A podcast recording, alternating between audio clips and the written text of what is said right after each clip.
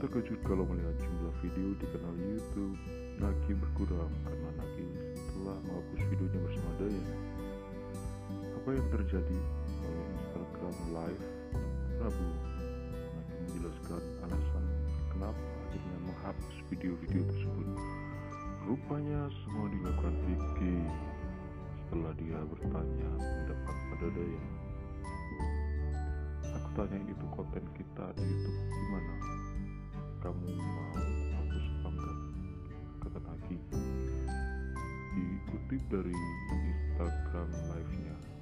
Terus dia bilang hapus ya. Udah jadi nanti mungkin aku bakal hapus semua video-video aku dan Dayana. Karena itu permintaan dia. Jelas Naki. Di kanal YouTube-nya Naki memberikan keterangan kalau Dayana yang meminta semua video diubah menjadi mode privat. Pesan dari Naki di YouTube itu mendapat 18.000 tanda